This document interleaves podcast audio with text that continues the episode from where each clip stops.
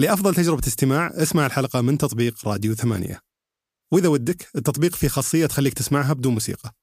يلا حيهم بما أننا قاعدين نجهز لكم حلقات جديدة من بودكاست سوالف بزنس هالأسبوع فودي أشارككم آه، حلقة من بودكاست أشياء غيرتنا. آه، الحلقة بداية سلسلة اسمها السلسلة المالية. واسمها ما قبل الريال. آه، في الحلقة هذه يستعرضون تاريخ أو التاريخ الغير الشائع للنظام المالي السعودي وتاريخ المؤسسات المالية السعودية مع مجموعة من القصص والتحديات اللي لها علاقة في هالقطاع في السعودية. فأتمنى تعجبكم الحلقة.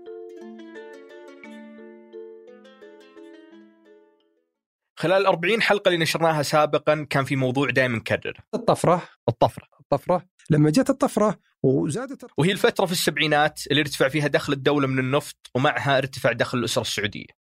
وبكذا تغيرت كثير من مظاهر الحياة الاجتماعية عندنا زي السيارات والبيوت والسياحة. بس تكرار طاري الطفرة خلانا نفكر بالقصة المتعارف عليها يوم نتكلم عن السعوديين والفلوس. القصة اللي تقول أن السعودية والجزيرة العربية بشكل عام كانت منطقة ما فيها موارد ما فيها فلوس. بعدين تم اكتشاف النفط فصار فيها موارد وصار فيها فلوس. وهذه القصة ما هي كذب. فعلا جزء ضخم من السعوديين قبل تأسيس الدولة كانوا يعيشون حياة فيها خطر الفقر والجوع بسبب توقف الأمطار أو الآفات الزراعية والحيوانية. ولا يزال في أشخاص أحياء اليوم يذكرون نهاية ذيك الأيام. بس بنفس الوقت القصة تختصر شيء كثير. فيها عدم إنصاف المجهودات أشخاص كثر. كون المنطقة ما كانت غنية ما يعني أنه ما كان في نظام مالي أو ما كان في علاقة مجتمعية مع المال. هذا هو موضوع سلسلتنا الجديدة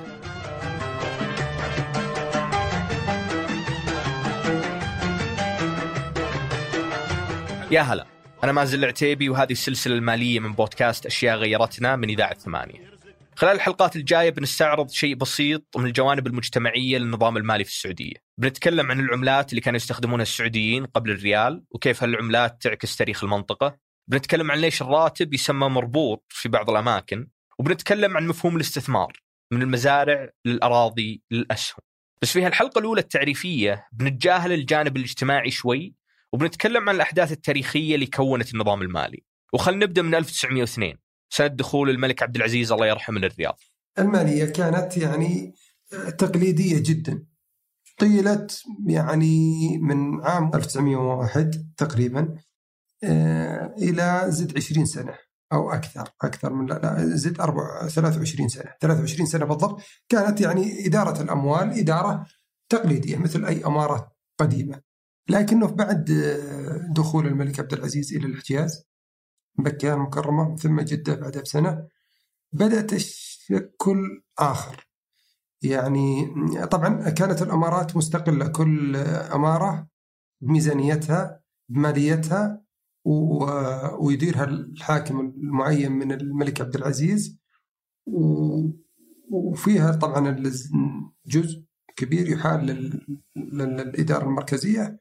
والحقيقة أنه يعني في تلك الفترة ما كانت تعرف ما كان في يعني ذيك المالية منتظمة انتظام أو مقعدة قواعد ثابتة. لكن مع دخول الحجاز أو المنطقة الغربية كاملة آه، بدأ التنظيم الإداري أكثر. فكان في مكة ثم في جدة فكانت ال... وأنشئت أول مديرية لإدارة الشؤون المالية. بدأت كمديرية. هذه المديرية كانت مسؤولة عن عدة مهام. طبعا يعني البيت المال مصروفات الدولة. إيرادات الدولة خزينة المال. بعدين تطورت تشرف على أعمال البلد والبنى التحتية والمشاريع والمصاريع والعقود تشرف على العقود وتفاوض. كل هذه كانت من أعمالها كذلك إعداد الميزانية والموازنة وإلى آخره. كل هذه المهام كان متوقع من المديرية أنها تديرها باستخدام مصادر دخل الدولة واللي كانت محدودة وقتها. أكثر كان موردين هن الأساسيات اللي كانت الحج والجمارك أو الحج والعمرة والجمارك هذه كانت أكبر موردين للبلد يعني استمرت فترة إلى أن ظهر النفط ومهمة استخدام هالمصادر المحدودة كانت على عاتق الشخص اللي كانوا يسمونه وزير قبل ما يكون في وزارات وهو الوزير عبد الله بن سليمان الله يرحمه. التسمية هذه جت باعتباره الوزير الخاص للملك عبد العزيز. عبد الله بن سليمان كان مدير المديرية من تأسيسها واستمر بإدارتها لما تحولت الوكالة وكذلك لما تحولت الوزارة في سنة توحيد المملكة وبكذا صار أول وزير سعودي رسميا. بس خلينا نرجع ورا شوي للسنوات الأولى. المديرية تأسست في نهاية سنة 25 بداية سنة 26 ميلادي. قبل انهيار سوق الأسهم الأمريكي بكم سنة؟ الانهيار اللي تسبب بركود اقتصادي عالمي. The financial house of cards collapses, and the overinflated stock market plunges into a great depression. A financial panic grips the world. هذا الركود صعب المهمة الصعبة من الأساس خصوصا أنه استمر إلى ولادة الدولة في الفترة هذه الملك عبد العزيز حب ينوع في يعني آه، المشاريع وبحث في كل مكان بتقول ال- ال- الموانئ بتقول مثلا آه، ال- ال- ال- ال- النخيل في بعض المناطق في الأحساء في القصيم في بدأ في مشروع الخرج الزراعي وكان حقيقي مشروع ضخم وضخم جدا وصرفت عليها البلد. يعني الملك عبد العزيز جاب الخبراء أمريكان واشتغلوا فيه وبثوا كانت متوفر فيها المياه والزراعة يعني أرض خصبة. وبدأ المشروع وشرى المكان، المكان لا زالت قائمة إلى موجودة إلى الآن. وشقوا الساقي والمشتل إذا تعرف و يعني عمل عمل عمل جبار. قام فيه بإشراف تام من الوزير عبد الله بن سليمان. وحقيقة إنه لا زالت صوره ولا زالت وثائقه وعمل جدا جدا جدا ضخم. لكن وش اللي نوعا ما خلينا نقول قزم الموضوع شوي اللي هو ظهور النفط. ظهور النفط. وجود هالمشاريع والمجهودات المختلفة المبذولة دليل على أن ظهور النفط ما كان شيء مؤكد بالنسبة للدولة. من دخول الحجاز في بداية العشرينات الملك عبد العزيز كان واعي بظهور النفط في إيران والعراق بس محاولات التنقيب عنه في السعودية كانت غير ناجحة. وبالتالي شركات النفط ما كانت مهتمة كثير بالحصول على حقوق التنقيب في السعودية. هالشيء استمر إلى قبل توحيد المملكة بأربع شهور. لما تم اكتشاف النفط في البحرين صارت المنطقة الشرقية في السعودية الخيار المنطقي التالي. بعدها بست سنوات تم اكتشاف النفط في البير رقم سبعة في الدمام.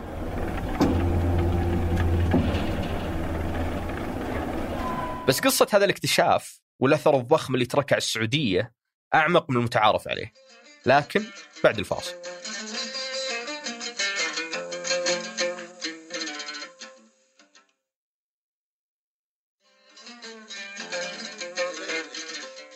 قبل الفاصل كنا نتكلم عن اكتشاف النفط في سنة 1938 وكيف إن هالحدث يجي طريه دايم باعتباره سبب استقرار وازدهار الاقتصاد السعودي. ومثل ما ذكرت في البداية النفط فعلا رافد اقتصادي مهم ومفصلي بالنسبة لدول الخليج. بس في دول كثير في العالم تم اكتشاف النفط فيها قبل السعودية بعقود مثل إيران وفنزويلا والعراق. وهذه الدول ما تعتبر دول غنية. السبب هو أن بقدر أهمية النفط وأهمية وجوده الشركة اللي راح تنقب عنه كذلك مهمة. وشروط هذا التنقيب وعوائده مهمة في 1932 بعد اكتشاف النفط في البحرين زاد الاهتمام بحقوق التنقيب في السعودية. الاهتمام كان من الشركات اللي كان لها تاريخ طويل في المنطقة واللي هي بريطانية في المقام الأول وكذلك كان فيه اهتمام من شركة جديدة على المنطقة الشركة اللي اكتشفت النفط في البحرين سوكال الأمريكية. في فبراير 1933 نزل في ميناء جدة المحامي الممثل لسوكال لويد هاملتون.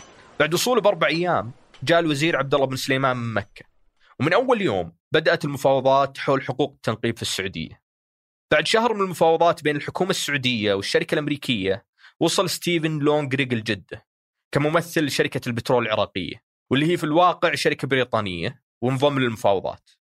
الكاتب الأمريكي ولا ستيغنر في سرد الأحداث وصف المفاوضين السعوديين بأنهم صارمين أذكياء صبورين عنيدين وحذرين هالوصف أثبت صحته لأن بعد انضمام الشركة البريطانية استمرت المفاوضات شهرين ونص زيادة.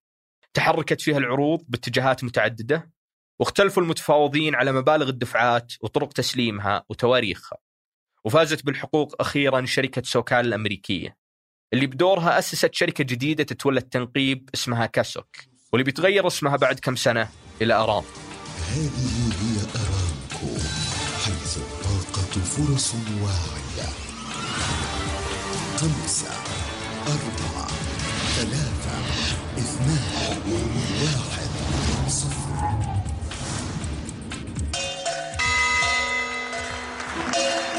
لو تبحث في صور جوجل عن عبد الله بن سليمان من أوائل الصور اللي راح تطلع لك هي صورة توقيع الاتفاقية. يساره بتشوف لويد هاملتون راكد ومبتسم للكاميرا. بينما عبد الله بن سليمان يلتفت يم المصور بنص وجهه وفي الصورة شوي تغبيش وكأنه كان يحرك رأسه. هالصورة تم التقاطها في 29 مايو 1933 وبعدها بشهر ونص في 14 يوليو صدر المرسوم رقم 1135 اللي يعلن هذه الاتفاقية ونشرت في جريدة الدولة الرسمية. وبعدها بخمس سنوات تدفق النفط من البير رقم سبعة في الدمام البير اللي سموه بير الخير. سنوات الركود الاقتصادي والشهور اللي سبقت توقيع الاتفاقية كانت فترة زمنية صعبة على الدولة. بس حتى بعد اكتشاف النفط وتصديره كان النظام المالي للدولة دائما بحاجة صيانة وإدارة. الملك سعود برضه تعرف ال- أول بداية عهد الملك سعود أنشأ أول مجلس وزراء. فلما أنشأ مجلس الوزراء كان في مدخولات طبعا للنفط وزاد. وتعرف برضه آه، في عهد الملك عبد العزيز أيضا اشتغل على آه، خطوط التبلاي زيادة يعني آه، إيصال النفط إلى سواحل البحر الأبيض المتوسط. وزادت حصة المملكة مع زيادة اكتشافات آبار جديدة.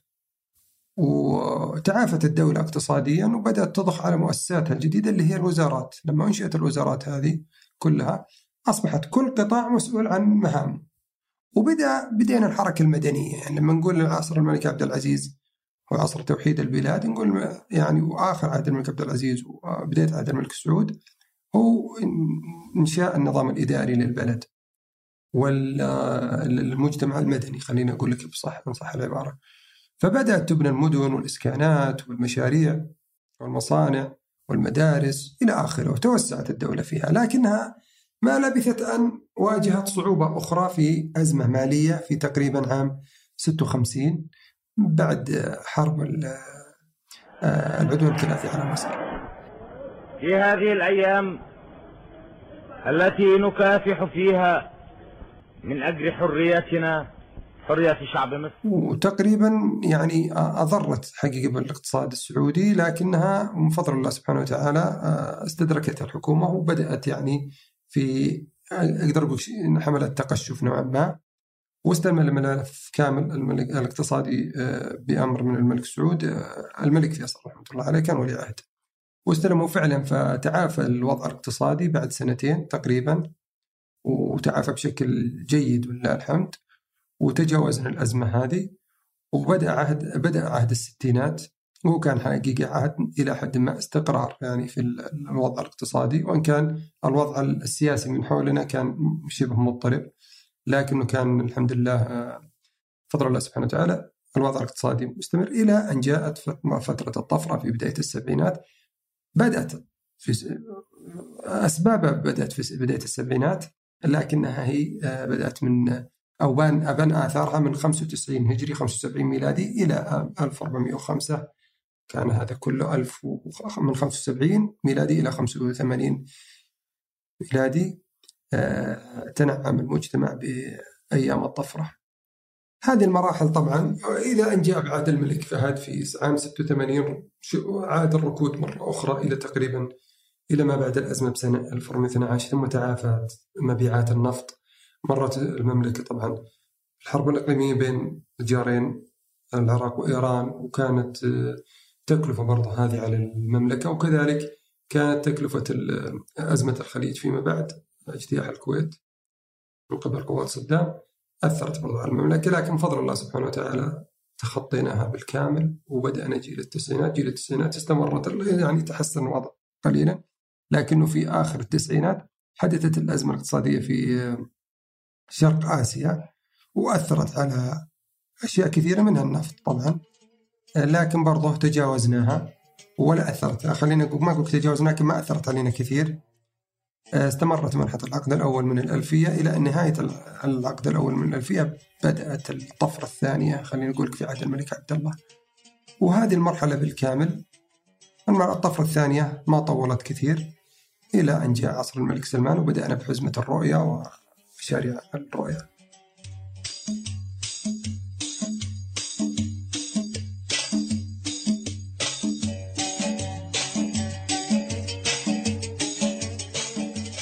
شكرا لمصرف الراجحي على رعاية هذه الحلقة اللي كانت من بحث وإعداد الرائع منصور العساف.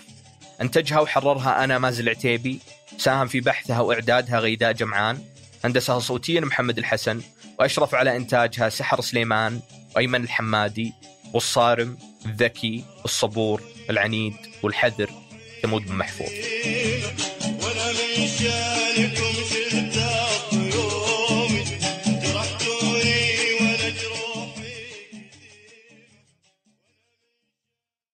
وسك ريال ونصف وربع ريال. ولأول مرة ربط بالجنيه الإنجليزي. طبعا ليه ربط بالجنيه الإنجليزي؟ اللي فيه اعتبارات لازم ننتبه لها.